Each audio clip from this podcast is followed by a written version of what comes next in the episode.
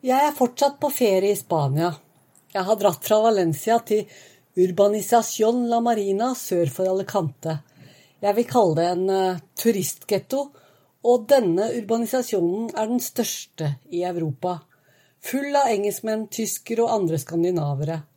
Varmen er til tider plagsom, og det har gitt meg tid og anledning til å sitte inne og jobbe med en ferieforsinket podkast. Episoden handler om drittpakker, sensur og hvordan sameiet slutter å fungere når styret bruker penger, overtalelsesevne og iboende tillit til vervet de har, for å stoppe seksjonseiere fra å se, høre og snakke om prosjektet i samspillavtalen.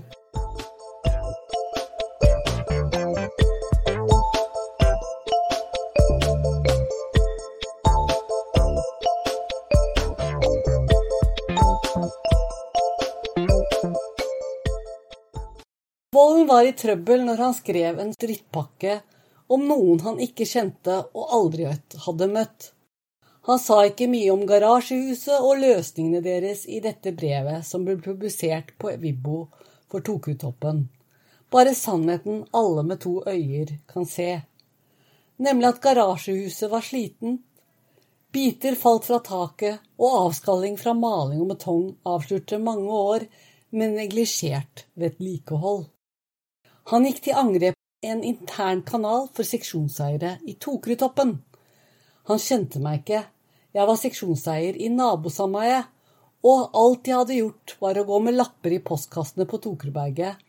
Han skrev ikke navnet mitt riktig, men kalte meg likevel en fare for demokratiet, og anklaget meg for å snakke usant om hva som skjedde på Rommens scene, der jeg innrømmer at jeg ikke var til stede.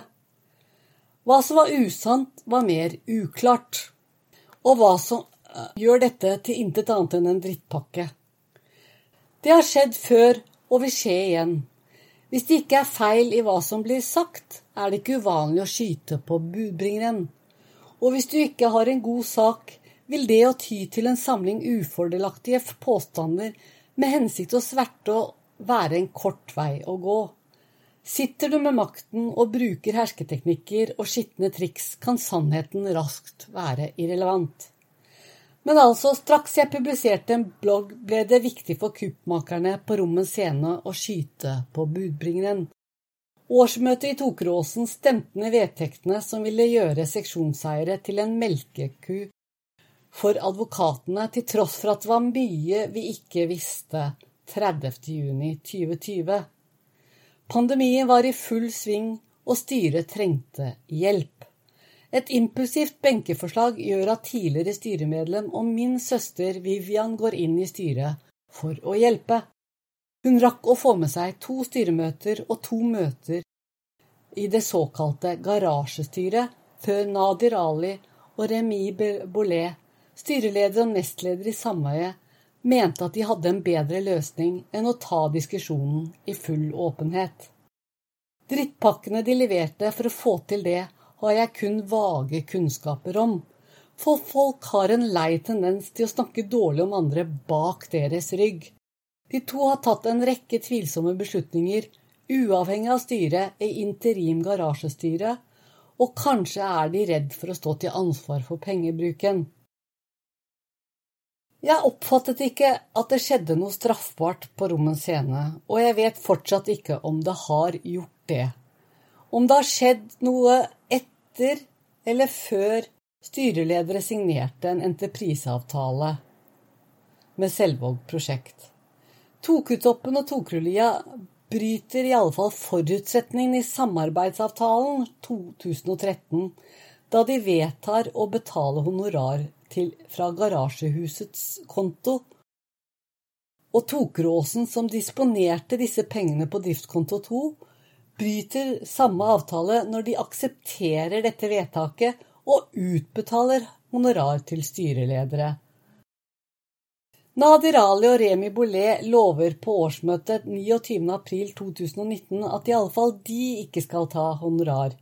Men når bloggen blir kjent, ombestemmer Nadir Ali seg og ber interim garasjestyre 22.6.2020 om ekstraordinært betaling, og han får et vedtak på at han skal få 24 000 kroner.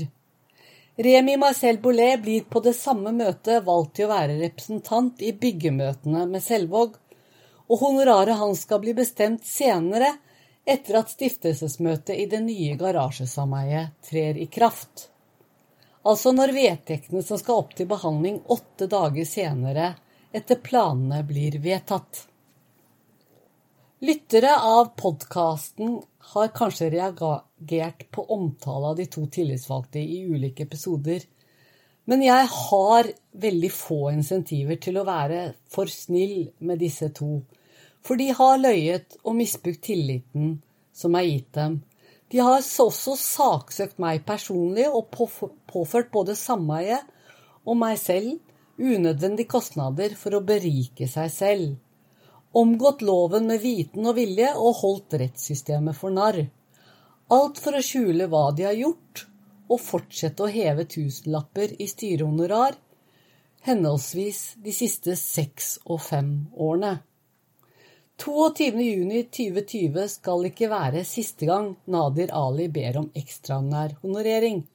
Men det er definitivt problematisk at styremedlemmer vedtar honorar til seg selv, og slike vedtak ikke blir tatt på årsmøter. Og selv da er det problematisk, fordi eierseksjonsloven har mindretallsvern i paragraf 40. Koordineringsutvalget for E-feltet fungerte i nesten 50 år uten å ta slike beslutninger. Og når jeg leser referatet fra garasjesameiet sommeren 2020, vil jeg umiddelbart melde de to advokatene Christian Engestad og Alf Erik Volden til disiplinærnemnda i klagesaker for advokater. Nader Ali var kun advokatfullmektig i 2020, og han blir ikke inkludert. Jeg tenker først og fremst at Engestad og Volden har gitt dårlig råd, og muligens bryter advokatene habilitetsregler når de utgjør et flertall mot Tokeråsen og innvilger honorar til seg selv. Saken lå i nemnda i nesten ett år og gikk så langt at det ble satt sammen en gruppe med erfaring fra eiendom, plan- og bygningslov, Arkitektforbundet og domstolene.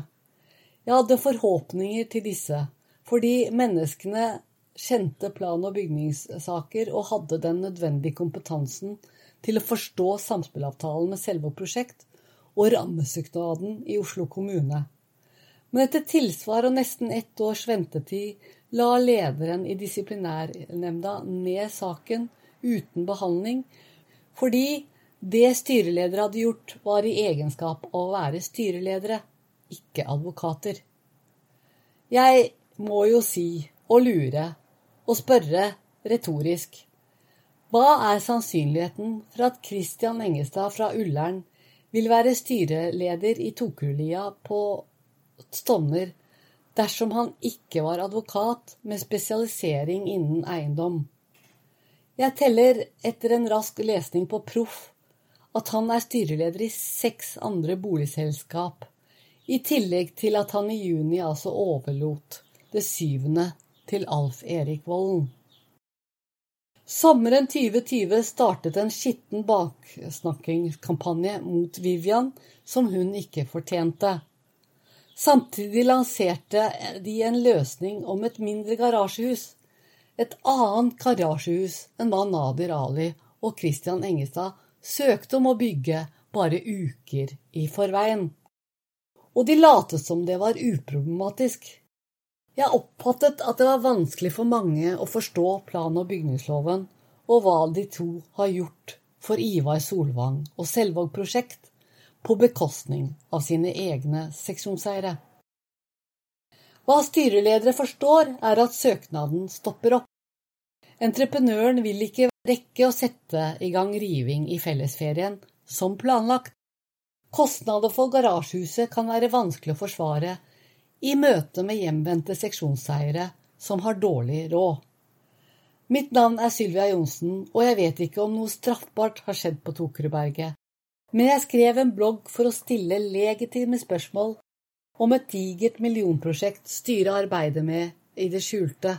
Og når bloggen avslørte det ene overraskelsen etter den andre i løpet av sommeren, gjorde jeg et grunnarbeid styret burde gjort for å forstå plan- og bygningsloven bedre, eller prosjektstyring i byggebransjen.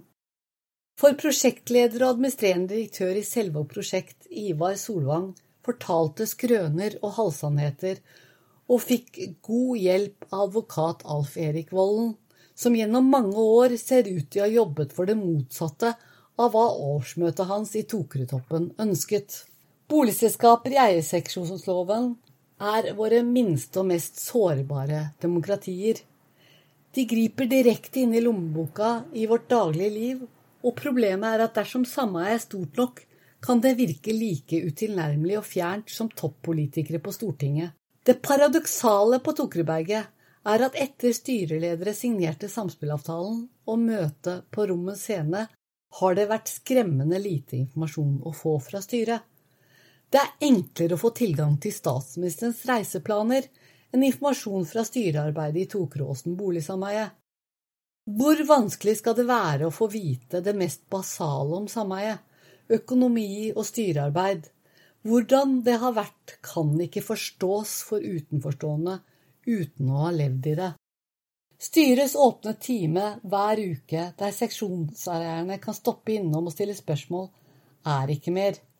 Det er publisert stadig mindre informasjon på sameiets egne nettsider www.tokerudberget.no.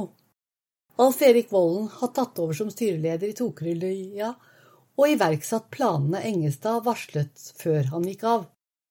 All informasjon er flyttet til en lukket nettside og www.tokerudlia.no er i likhet med Tokerudberget nå satt inaktive. Tokerudtoppen er i øyeblikket det eneste sameiet på Tokerudberget med fungerende hjemmeside.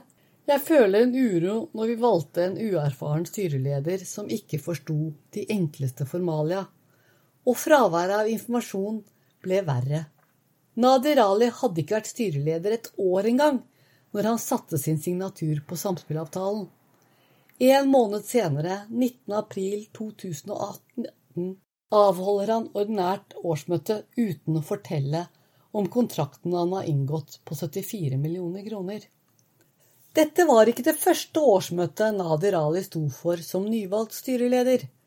Oslo kommune ba om ny avfallsløsning, og det ble sendt innkalling til et ekstraordinært årsmøte i slutten av 2017. Jeg understreker dette fordi det senere har blitt viktig for styret at ekstraordinære årsmøter ikke kan vedta saker som ikke fremkommer i innkallingen, og det er i tråd med dagens vedtekter. Denne gang åpnet styret for forslag, og i tillegg kom de med et eget tilleggsforslag om elbilladere i garasjen og en vedtektsendring. Begge forslagene var dårlig formulert og gjennomtenkt, Årsmøtet endte med å stemme for benkeforslag i begge sakene. Et av disse var fra meg. Bak setningen 'som styremedlemmer og vararepresentanter kan bare velge sameiere eller deres ektefelle og samboere'. Og nå, i vedtektene, la årsmøtet etter forslag fra meg til 'samt myndige barn'. Jeg så meg nødt til å foreslå tillegget ettersom jeg oppfattet på årsmøtet han ble valgt, et halvår tidligere at Nadir Ali ikke forsto, selv når møteleder sa det høyt og tydelig, men han er ikke valgbar. Nadir Ali var ikke seksjonseier og er fortsatt ikke det, og strengt tatt burde han ikke ha vært valgt til styret heller.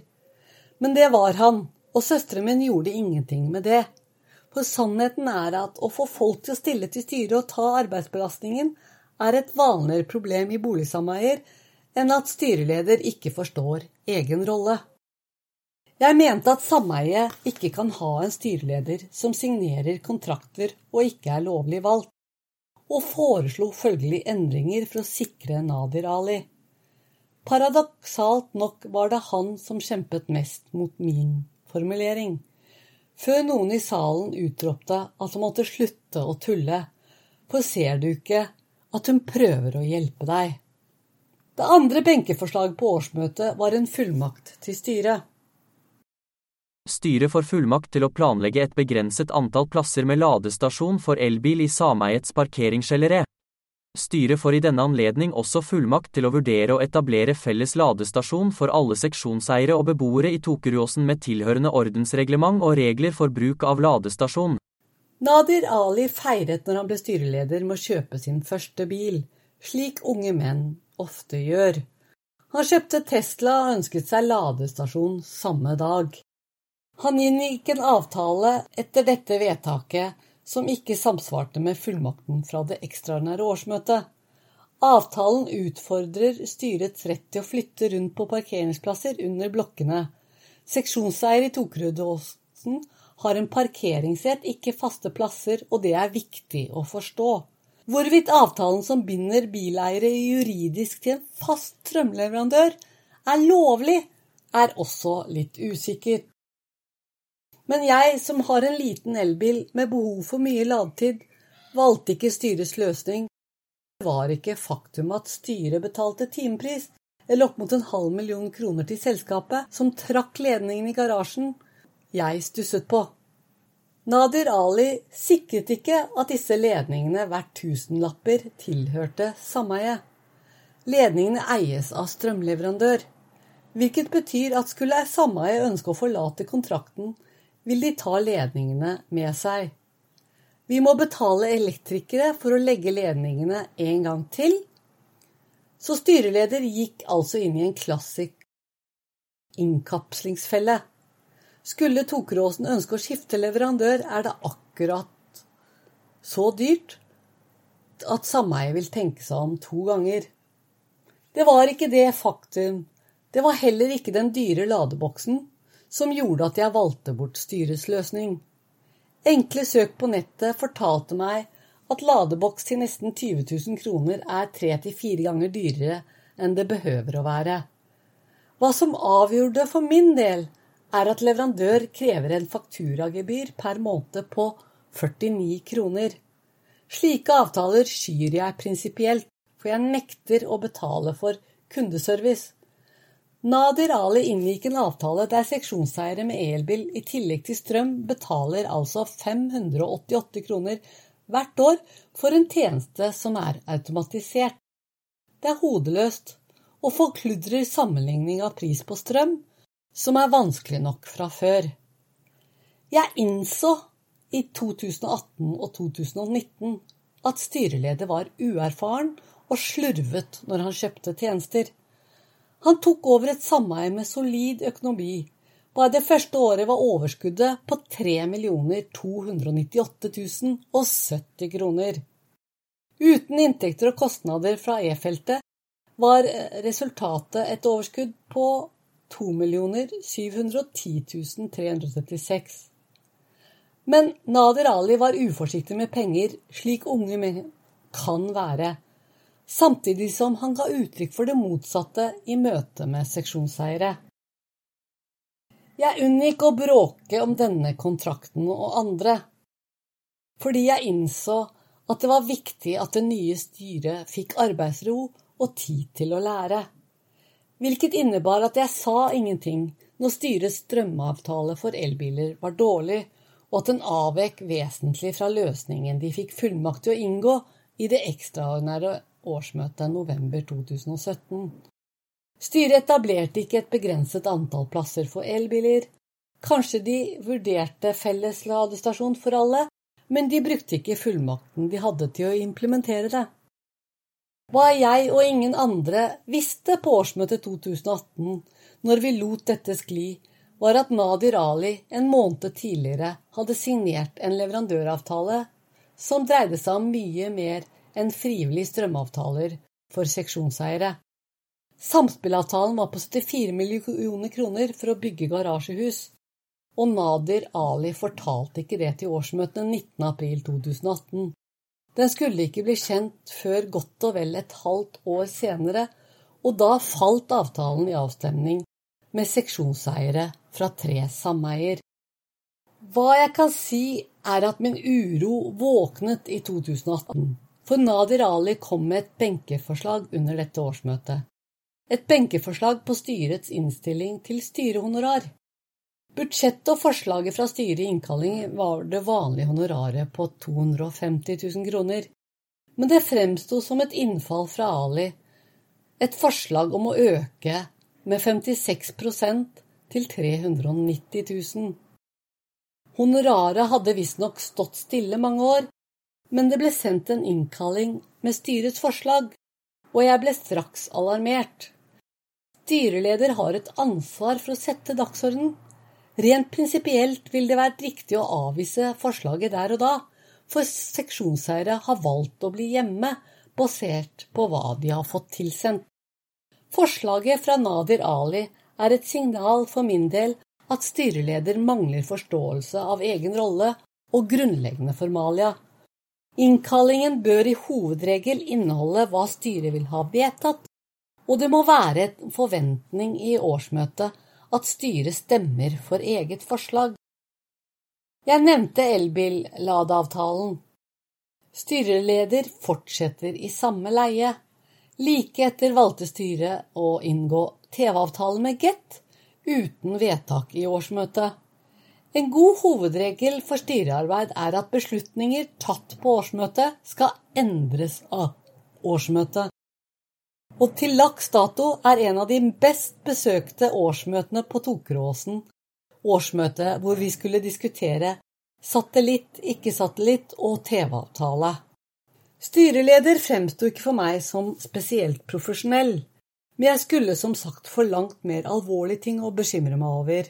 For innkallingen til Rommens scene 23.10.2018 avslørte at styreleder med en rekke dårlige beslutninger fra før hadde inngått en langt dyrere og mye mer innfløkt kontrakt.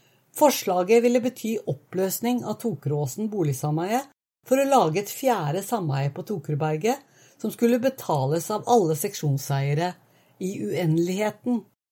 Nader Ali signerte samspillavtalen 1.3.2018, og når jeg sendte melding for å advare mot fellene i det juridiske lappeteppet, fikk jeg ikke svar. Revisjonserklæringer inneholder et standard informasjonskapittel som kalles annen informasjon. Erklæringen til regnskapet skriver hvert år. Ledelsen er ansvarlig for annen informasjon. Annen informasjon består av all informasjon i årsrapporten, med unntak av årsregnskapet og revisjonsberetningen. Vår uttalelse om revisjonen av årsregnskapet dekker ikke annen informasjon, og vi attesterer ikke den andre informasjonen. Revisor oppgir at deres oppgave i forbindelse med revisjon av årsregnskapet er å lese annen informasjon med det formål å vurdere om det foreligger vesentlig inkonsistens mellom annen informasjon og årsregnskapet. Det innebærer gjennomgang av styrereferat, som er juridiske dokumenter, og leverandøravtaler. Revisor skal også vurdere om det foreligger vesentlig feilinformasjon. Hvis de finner at det har skjedd, er revisor pålagt å rapportere det, men altså revisor oppgir at de ikke har noe å rapportere fra 2018. Revisjonsberetningen er signert revisor Hans Petter Urkedal, og regnskapet viser at revisjonshonoraret i note er på 15 893 kroner. Neste år gjør revisor en endring og de legger til et nytt kapittel som sier andre forhold, og det består kun av én setning. Budsjettet som fremkommer i årsregnskapet er ikke revidert. Og når du ser hvor lite regnskapet vil stemme med budsjettet i årene som følger, er det åpenbart at styret har sluttet å bruke budsjettet som styringsdokument. Tallene vi får forespeilet, er ren diktning, og hva som blir resultatet, er en overraskelse hvert år. Årsresultatet har falt med nesten en million kroner, men viser fortsatt overskudd på 2,4 millioner. Det er verdt å merke at innkallingen til årsmøtet 19. april 2018 er siste gang sameiet får et fullverdig regnskap på E-feltet på side 18. Dette er et prosjektregnskap som legges til alle sameiene på Tokerudbergets egne regnskap, og det er likt for alle. Slik kan seksjonseiere i Tokerudlia og Tokerudtoppen se hva som skjer med verdiene deres. Prosjektregnskapet for de tre sameiene viser at de har nesten to millioner kroner på driftskonto 2 presist kroner 1 834 979 kroner. Penger øremerket til drift og vedlikehold. Garasjestyret har fortsatt inntekter, og i dag burde det stå minst 3,6 millioner kroner på driftskonto 2, hvis det ikke var for beslutninger tatt i interim garasjestyre 2018 og 2023. Styreleder har brukt pengene, og i Tokeråsen har Nader Ali blåst sameiets egenkapital, og hvor mye av dette som skyldes samspillavtalen, er umulig å vite så lenge Selvåg prosjekt skjuler åpen bok-regnskapet for prosjektet. Ivar Solvang skryter om åpen bok når han forsøkte å selge inn entreprenøren, og sier det vil være oppdatert og løpende regnskapsføring på prosjektets nummer gjennom hele levetiden i prosjektet. Den enkelte seksjonseier kan i prinsippet se kostnadene fra uke til uke. Dette var bare én av løgnene til Ivar Solvang, for styret i Tokertoppen har forgjeves forsøkt å få disse kostnadene i mange år. Jeg har bedt om det samme. Selvåg prosjekt har konsekvent nektet innsyn og henviser til styreledere i Tokerlia og Tokeråsen. Når de også nekter denne informasjonen til styret i Tokertoppen, er det rimelig spesielt. For dere må huske at fakturaene entreprenør sender, går i navnet til de tre sameiene på Tokerudberget. Styret i Tokertoppen representerer en av de tre partene. I årsmøtet 29.4.2019 er det kun note 10 som viser en form for resultat i E-feltet. Det viser at inntektene på gjesteparkeringen daler fra nesten 600 000 til 250 000 kroner. Det viser altså at konsulenttjenester har økt fra 57 000 kroner i 2018 til 472 000 kroner, ettersom garasjestyret nå har begynt å utbetale honorar. Note 10 i årsregnskapet vil ikke framstå likt i alle tre sameier, slik prosjektregnskapet gjorde. Styreledere vil skjule gjennom nettotall hva pengene faktisk går til. Dermed mister to av tre eiere av E-feltet effektivt oversikt over hva som skjer med pengene deres på driftskonto 2 i Tokeråsen. Detaljer, innkalling til årsmøte og informasjon fra styret gir liten grunn til bekymring for den vanlige seksjonseier. Husleia står jo rolig, og de har ingen annen informasjon om samspillavtalen enn hva styret har fortalt. Kostnader til Selvåg prosjekt dukker fortsatt opp i regnskapet, selv om årsmøtet i Tokeråsen aldri har stemt over og akseptert en avtale med entreprenøren. Det var spørsmål om arbeidet med et prosjekt som falt på rommens scene, og generelt styreleders arrogante avvisning av all kritikk, som gjorde at jeg på årsmøtet 29.4.2019 uttrykker mistillit til styreleder gjennom å levere en protokolltilførsel, slik et mindretall kan gjøre for å belyse en annen virkelighet enn hva styret selv gir og skriver i årsrapporten.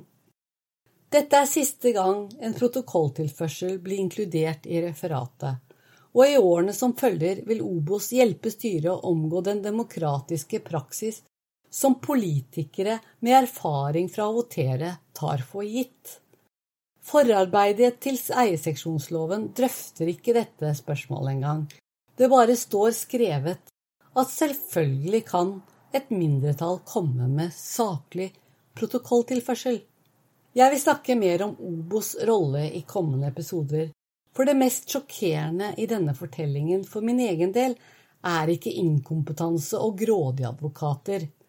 Personlig har det største sjokket jeg har erfart, vært å se Obos forretningsfører lyve for seksjonseiere og jeg har oppdaget hvor lite seksjonseiere har grunn til å stole på den faglige ekspertisen som etterser og kontrollerer sameiets regnskap. Styreleder bruker årsmøtet 2019 til å bytte sameiets vedtekter på syv sider med tolv sider ny tekst i én stor sveip. Jeg finleser den lille informasjonen som kommer fra styret, og forstår ikke hvor alvorlig dette er, selv om endringene innebærer at sameiet mister flere regler som skal beskytte oss mot kupping. Det er først året etter, da jeg får lese hva advokatfirmaet gjort, ført i hånden av advokat Aslak Førde, først da jeg publiserer bloggen for å skape debatt og advare seksjonseiere, fordi det står klart for meg hvor farlig styrets inkompetanse er for 633 seksjonseiere i tre sameier. Bloggen står igjen som et problem for styreledere i slutten av året, når de har sikret gjenvalg og sitter med kontrollen i et havarert prosjekt. Kanskje de sakte innser hva de har gjort.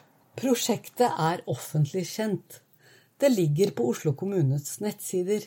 Etter årsmøtene i 2020 har Nadir Ali og Christian Engelstad sendt rammesøknaden til Oslo kommune på et bygg som mangler flertall på årsmøter, gyldig kontrakt, og vi har i grunnen aldri fått vite hva det vil koste. Tre år senere spekulerer jeg i at det vil koste minst 100 pluss millioner kroner. Dekkoperasjonen begynner etter at Selvåg prosjekt og styreledere gjennom sommeren 2020 forstår at riving og bygging ikke kommer til å skje med det første. De får ikke starte prosjektet i fellesferien, og styreledere velger da å snakke om et annet garasjehus, et mindre garasjehus, et billigere garasjehus. Det synes som om styreledere ikke har forstått at det er for sent. Ivar Solvang er også uklar i denne perioden. Direktøren sier når jeg spør om han kan bygge et mindre hus, at ingenting er hogget i stein, og disse skrønene har han utvilsomt fortalt styreledere. Nestleder Remi Marcel Bollet skriver på Vidbo at søknaden ikke er viktig, for det er bare en søknad. Han lyver rett ut og skriver i svar før det ekstraordinære årsmøtet 14.9.2020 at de ikke har satt i gang underleverandører, og når jeg lister tre av dem som ligger åpent tilgjengelig på Oslo kommune, og som styret allerede har betalt hundretusener av kroner til, bortforklarer han alt sammen. Nadir Ali vil nekte for at de har et aktivt prosjekt på årsmøtet 2021, og sier rett ut at Sylvia Johnsen vet ikke hva hun snakker om, for han er advokat og jobber profesjonelt med entrepriseavtaler i Forsvarets innkjøpsavdeling, der han og Remi Bollet er kolleger etter at sistnevnte anbefalte Ali til jobben. Styreleder skiftet arbeidsgiver i fjor uten at jeg vet hva Nadir Ali jobber med der, men han er ikke lenger advokatfullmektig i Forsvarets innkjøpsavdeling. Hva som er klart og ganske naturlig, er at sakskomplekser med elementer fra avtale- og kontraktsrett, eierseksjonsloven, sameieloven og plan- og bygningsloven gjør at advokater er konger. De har større troverdighet enn menige seksjonseiere med master i litteraturvitenskap. Foran det ekstraordinære årsmøtet 14.9., der styret blir tømt for kritiske stemmer, legger jeg merke til spor av drittpaker bak min rygg. Jeg har brukt et par dager og googlet og sendt navn til ca. 20-25 seksjonseiere med oppfordring om å møte på årsmøtet, og dersom de ikke gjør det, gi fullmakten til meg eller noen andre som er enig med dem, ikke styreleder og nestleder som jeg har blitt fortalt går på dørene og skaffer fullmakter for å sikre at de blir gjenvalgt. Jeg kan ikke vite hva de har sagt i denne kampanjen på dørene. Obos forretningsfører Lillian Slåen sender samtidig en kryptisk og merkelig e-post der hun ber om redegjørelse for hvordan jeg har gått fram, samtidig som en seksjonseier går i direkte angrep på meg og Vivian med grunnløse anklager og hvor hun har fått sine ideer fra, vet jeg ikke, men et par dager før årsmøtet publiserer Remi en artikkel fra styret om at de tar personvern alvorlig. Strategien ser ut til å være å diskutere alt annet enn kontrakten som vil kaste skjorta for hver og en av seksjonseierne, og mulig overtamp i styrets mandat, vedtekter og eierseksjonsloven. De skyter på budbringeren unngår å diskutere saken og lyver når de får direkte spørsmål. Vivian forsvarte seg med lange innlegg på Vigbo, men jeg puster rolig og gjør det jeg alltid har gjort. Fokuserer på ballen, hva som er viktig for sameiet å forstå, en kontrakt som kan koste dem dyrt. Alf Erik Vollen publiserte den første drittpakken mot meg et par måneder tidligere. Jeg skrev heller artikler på bloggen i full åpenhet og forsvarte budskapet. Nå lager jeg en serie artikler om maktspillet til styreledere og forteller alt jeg har fått vite fra referater i interimgarasjestyret. Referatet jeg ville presisere, kom fra kilder, og som jeg hadde i hende en god stund før styremedlem og min søster får tilgang til dem. Hun var ikke min kilde. Samtidig føler jeg det er viktig å si at referater fra styrearbeidet som omhandler hvordan styret bruker og forvalter seksjonseiernes penger, ikke er taushetsbelagt, uansett hva Nadir Ali måtte mene om saken. Tvert imot vil jeg hevde det vil være lovstridig å nekte de som betaler, innsyn i egne disposisjoner. Men sånn har det blitt på Tokerudberget når Nadir Ali vil holde hemmelig alt som har å gjøre med sameiets styrereferater, kostnader og regnskap. På det ekstraordinære årsmøtet 14.9.2020 møtte jeg med tre fullmakter. Remi ropte etter meg når jeg kom at jeg ikke skulle gå inn, det var ikke sikkert jeg ville slippe inn. Jeg gikk inn og satte meg ned, og ble sittende gjennom møtet uten flere problemer. To-tre styremedlemmer satt med sånn omtrent 70 fullmakter på dette ekstraordinære møtet, hvilket ga rekorddeltagelse, og de hadde to tredjedels flertall alene. Trond Sæter fra Obos var medbrakt møteleder med et klart mandat å stoppe alle diskusjoner styret ikke ville ha. Det lyktes han godt med. En reaksjon fra salen var dette er jo ren polsk riksdag.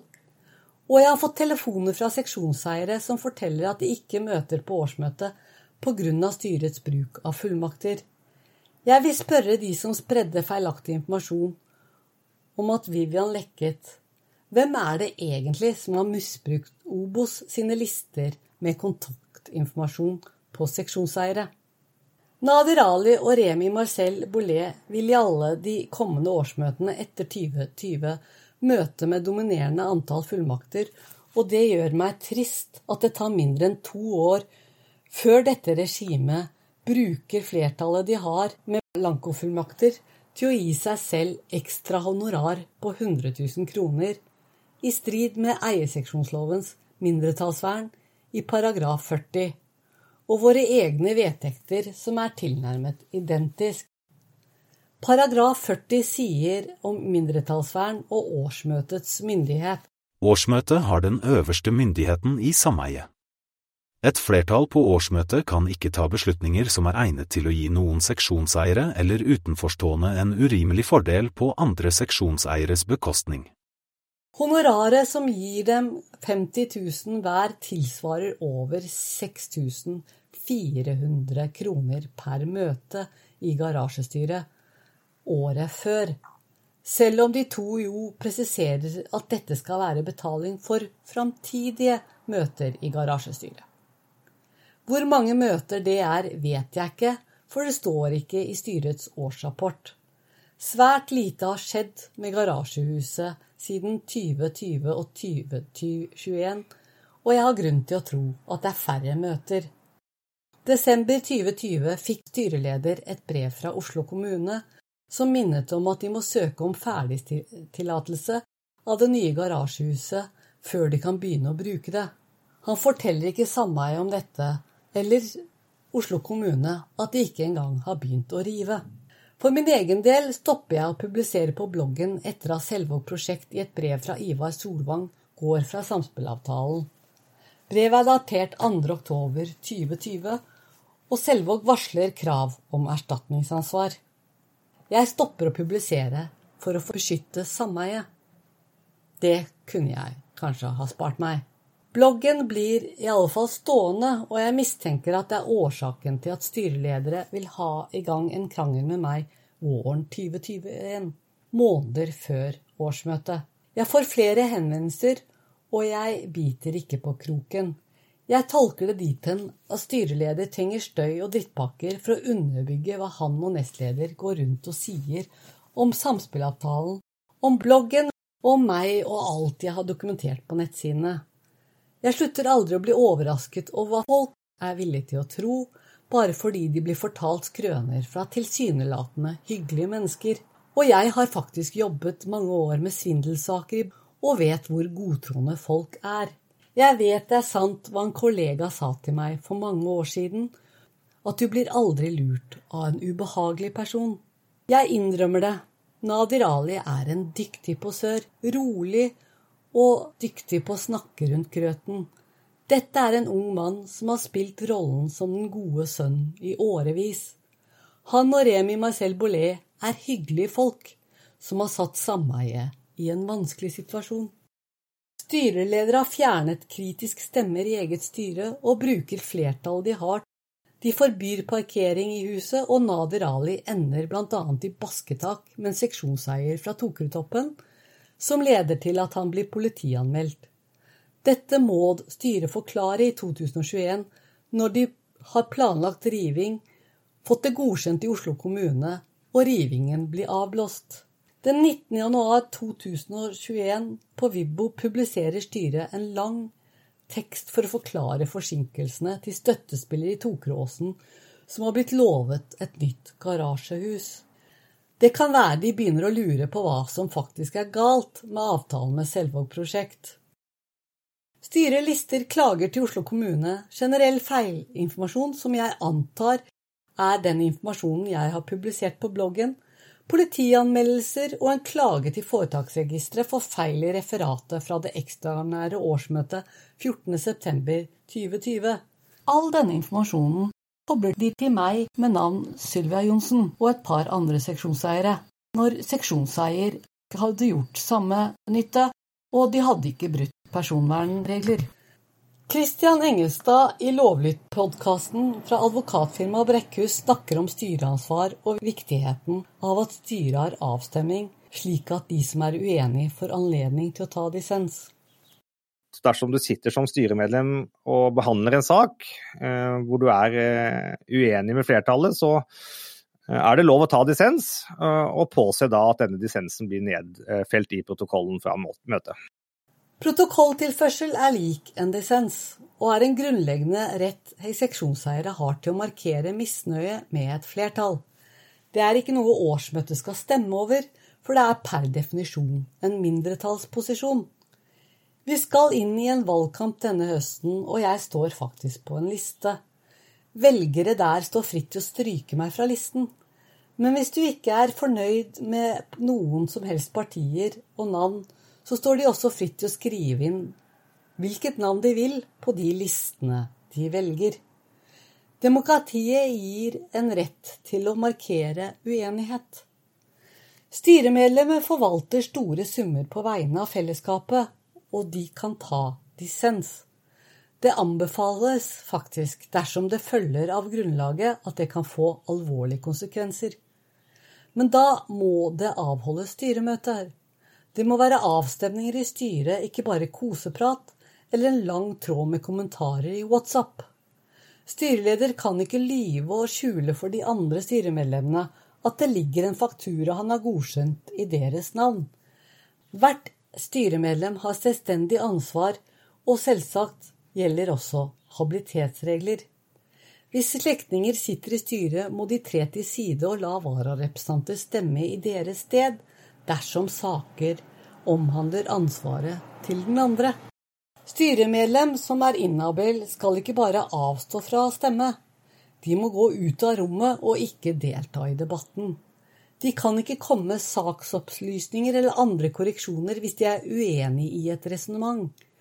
Jeg har selv gått på gangen når Miljø- og bydelsutviklingskomiteen, også kalt MBK, i bydel Stovner, har behandlet søknad om grønne midler til det urbane landbruket i Tokeråsen.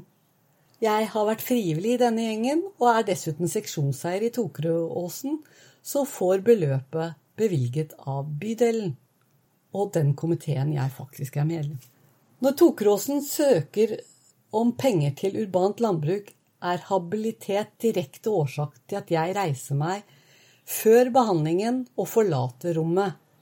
Mange forstår ikke habilitetsregler. Anette Trettebergstuen, som fikk råd fra skarpe jurister i embetsverket, er en av dem. Og når hun ikke tar disse rådene og gjentar overtredelsene, måtte hun gå som kulturminister. Selvsagt skal hun ikke være i rommet og foreslå for egne undersåtte, folk som jobber for henne og vil ha hennes kunst, navn på venner til diverse lukrative styreverv i staten Norge. Jeg satt i valgkomiteen i Tokerudåsen sammen med Shubeb Baksjef 2020 2021 og opplevde at han sterkt forsvarte styrets posisjon, uten at han fortalte at han var sønn til styreleder Nader Ali og Umar Shekhan Alis tante. Jeg visste det fra før, men han syntes ikke å vite at jeg visste. Jeg hadde en snikende mistanke når vi var i videomøte at det var minst ett ekstra medlem til stede når valgkomiteen diskuterte kandidater, og etter en ordveksling fortalte jeg Kubek Baksjef at når det gjelder disse to styremedlemmene, var han inhabil fordi de var i familie. Han visste da at jeg visste, og det visste også de som eventuelt satt bak kamera. Jeg fortalte ham at innstilling til årsmøtet for to av fem styremedlemmer var opptil meg og det andre medlemmet i valgkomiteen. Det ble ikke flere møter. Nader Ali ringte personlig og snakket med det andre medlemmet i valgkomiteen, slik han foretrekker å gjøre ting på bakrommet. Baksjef sendte en innstilling for flertallet i valgkomiteen to dager senere. Jeg kunne fortsatt ikke stille meg bak, for jeg visste på tidspunktet hva som skjedde i garasjestyret, og strengt tatt var hele situasjonen i valgkomiteen bare et eksempel på Nadir Alis manglende rolleforståelse. Dersom styreleder skjuler hva han holder på med for andre styremedlemmer, kan det være direkte farlig. Styremedlemmer kan bli holdt ansvarlig også for ting som skjer utenfor møter og referatføring. Styremedlemmer har en individuell plikt til å søke informasjon proaktivt hvis de har mistanker. De skal ikke bare akseptere at styreleder setter agenda. De skal innkalle til styremøte hvis det er behov for det, og dersom de utgjør et mindretall i styret, gjør som Christian Engelstad anbefaler ta dissens.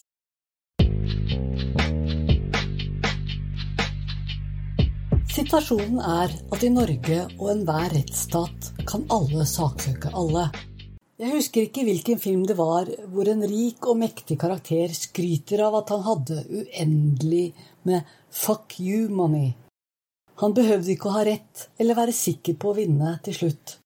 Det viktige var at han kunne saksøke motparten herifra til evigheten, slik at det ikke lenger var mulig å leve et vanlig liv.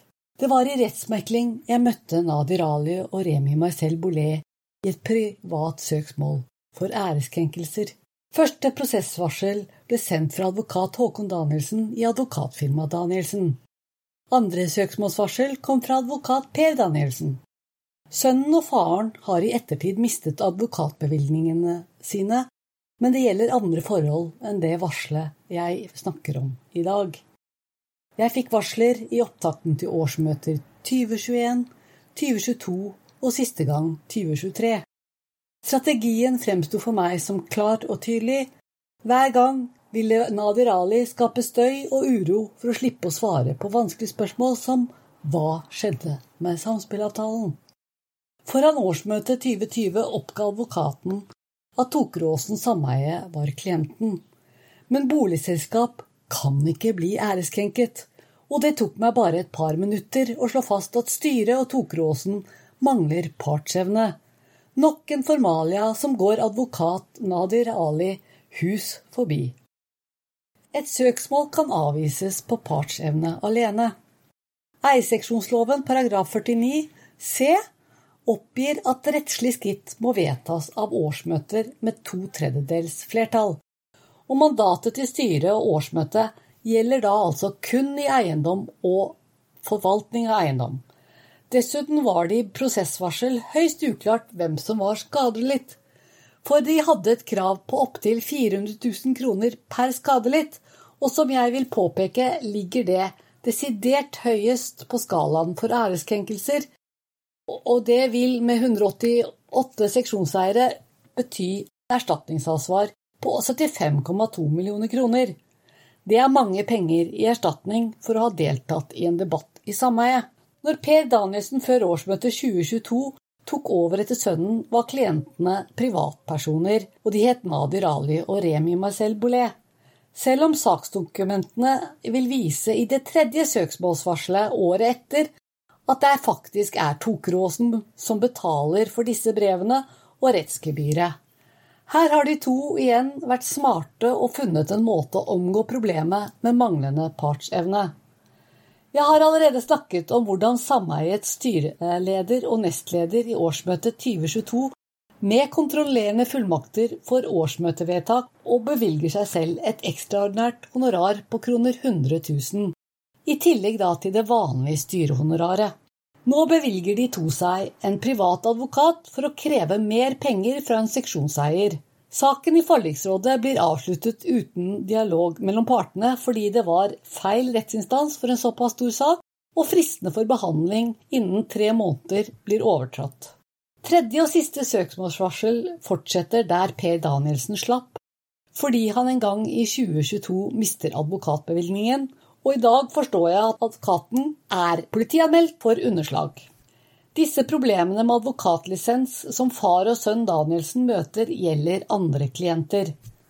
Tredje søksmålsvarsel er i stedet signert Jon Wessel Aas fra advokatfirmaet Lund co., og han er i dag leder i Advokatforbundet.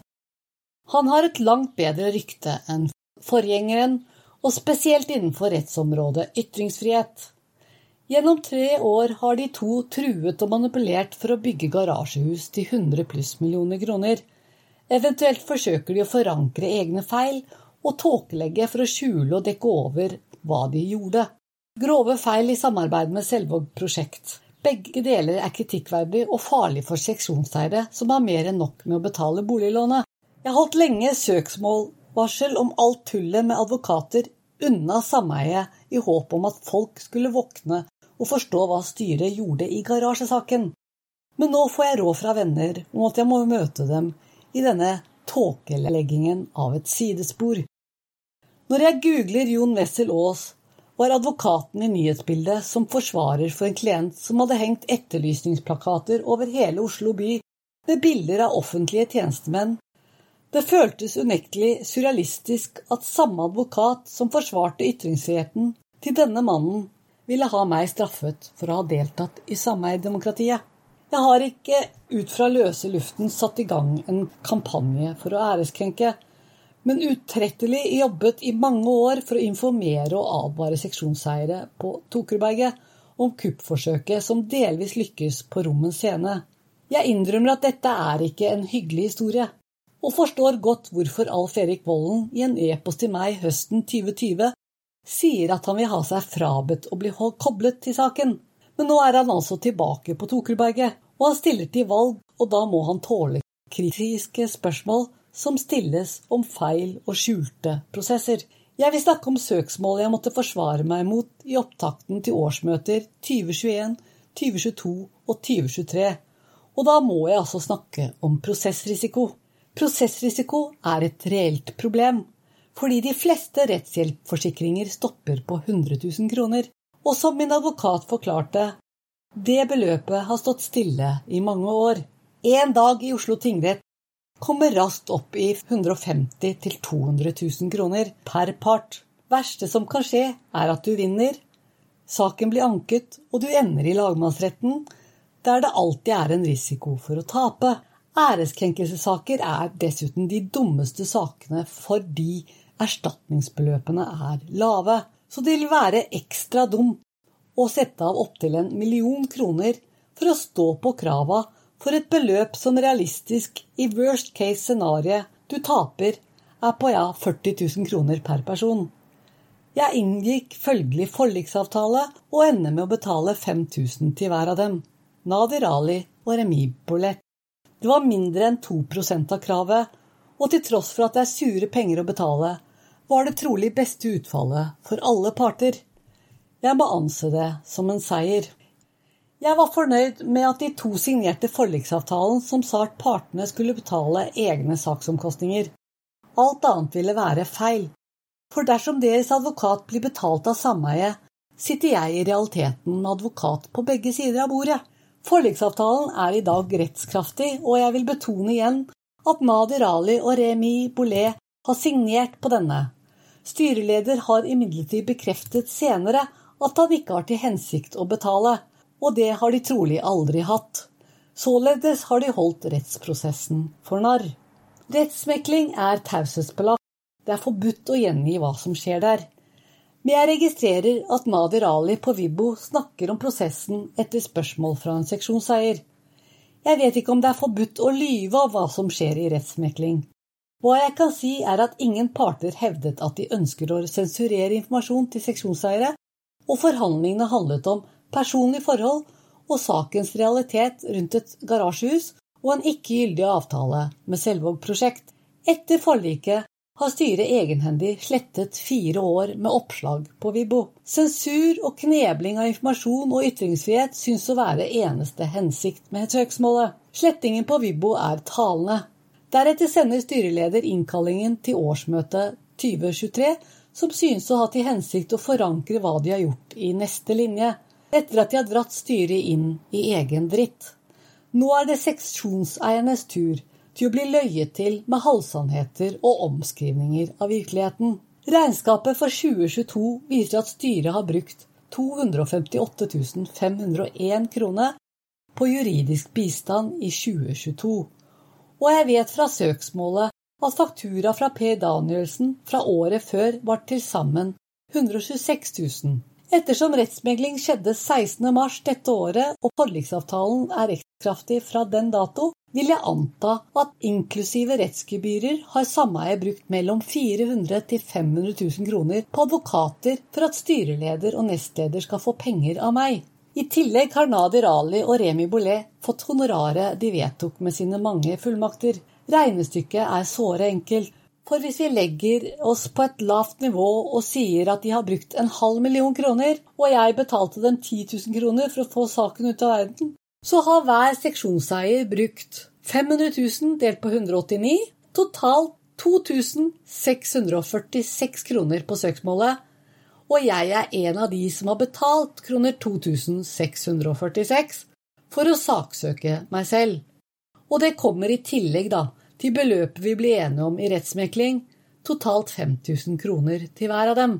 Styret dekker over og skjuler hvor mye penger de har brukt, og det koster sameiet flesk, fordi styreleder Nadir Ali ikke forstår grunnleggende formalia og tar beslutninger uten vedtak i årsmøtet, kvalitetssikring gjennom dialog og debatt, og når han får kritikk etter å ha igangsatt en avtale på 74 millioner kroner uten anbudsrunder, fortsetter han i samme leie og saksøker med sameiets penger.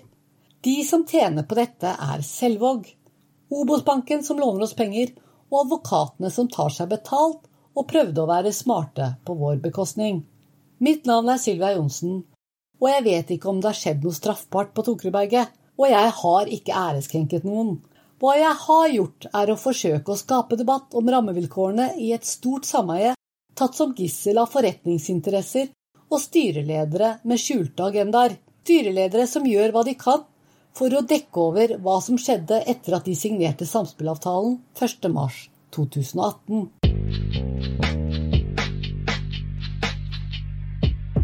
Det er ingenting jeg hater mer enn å være i en hva sa jeg-situasjon.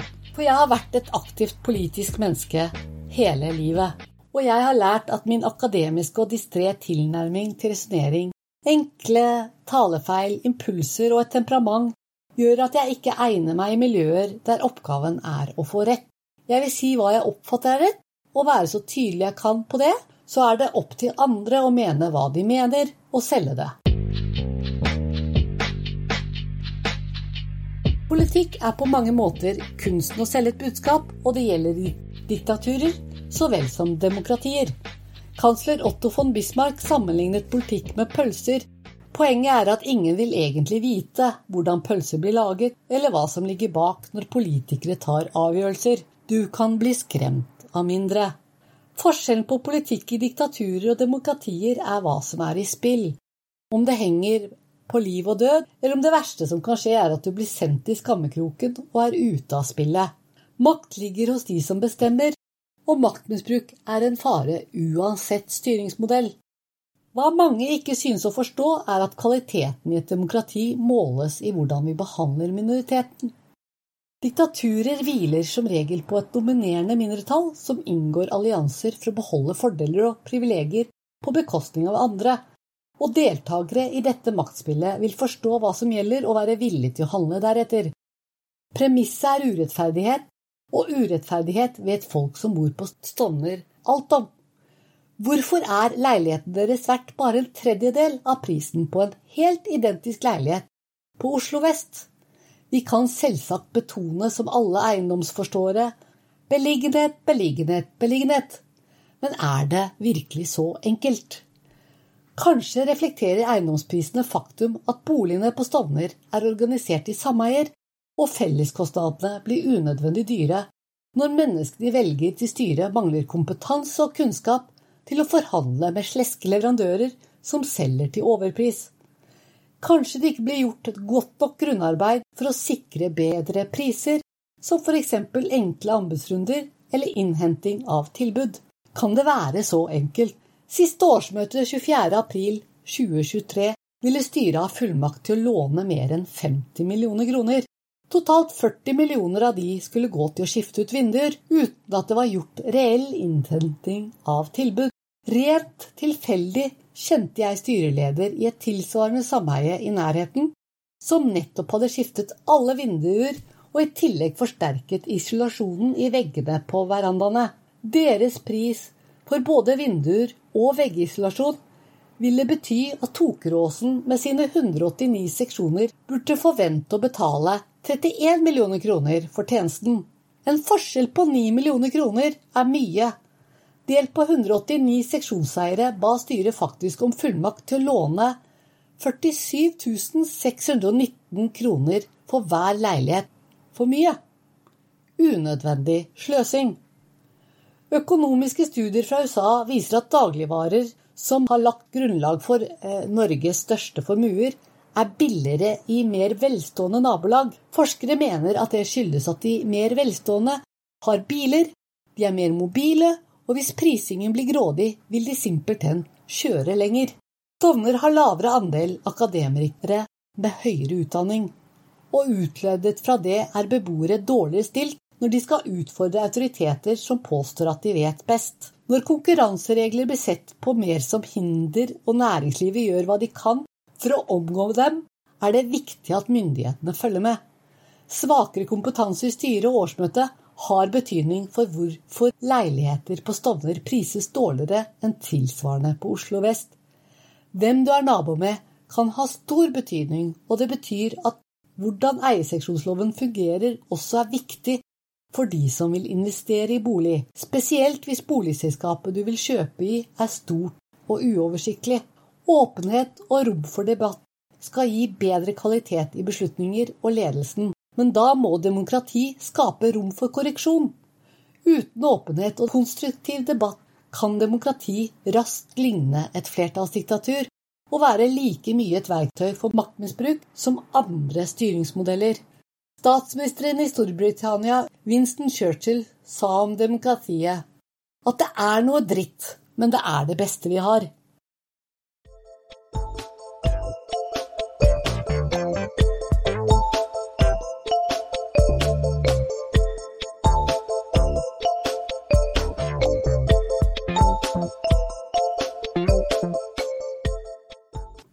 Jeg nærmer meg slutten av sesong én, der jeg utforsker og prøver å forstå hva som skjedde med samspillavtalen. Advokat Alf Erik Vollen, som tidligere var styreleder i Toketoppen, før de kastet ham, har tatt over etter Christian Lengestad. Vollen har allerede innkalt til nye møter i slutten av august for koordineringsutvalget til E-feltet, og han truer i sedvanlig stil Tokutoppen med søksmål hvis de ikke vil forhandle og stille seg bak et prosjekt som falt i to sameier, og som vil koste seksjonseiere 100 pluss millioner kroner. Jeg skal spekulere mer rundt hva slags materie vi har i disse fortellingene fra virkeligheten, og utforske hvordan jeg kan dikte rundt hva som ligger bak. Målet er å finne universelle sannheter til et dramatisk verk, enten det er prosa eller tekster for teater og film. Plottkast utforsker virkelige hendelser for å skape kunst og fortellinger som favner bredere enn det konkrete som er kjent. Før jeg avslutter sesongen, må jeg fortelle historien om Obos og hva som skjedde i Tokeråsen når de ville være med på festen. Jeg planlegger nye sesonger i Plottkast med annen tematikk, så jeg oppfordrer deg til å abonnere eller vise støtte til arbeidet på annen måte.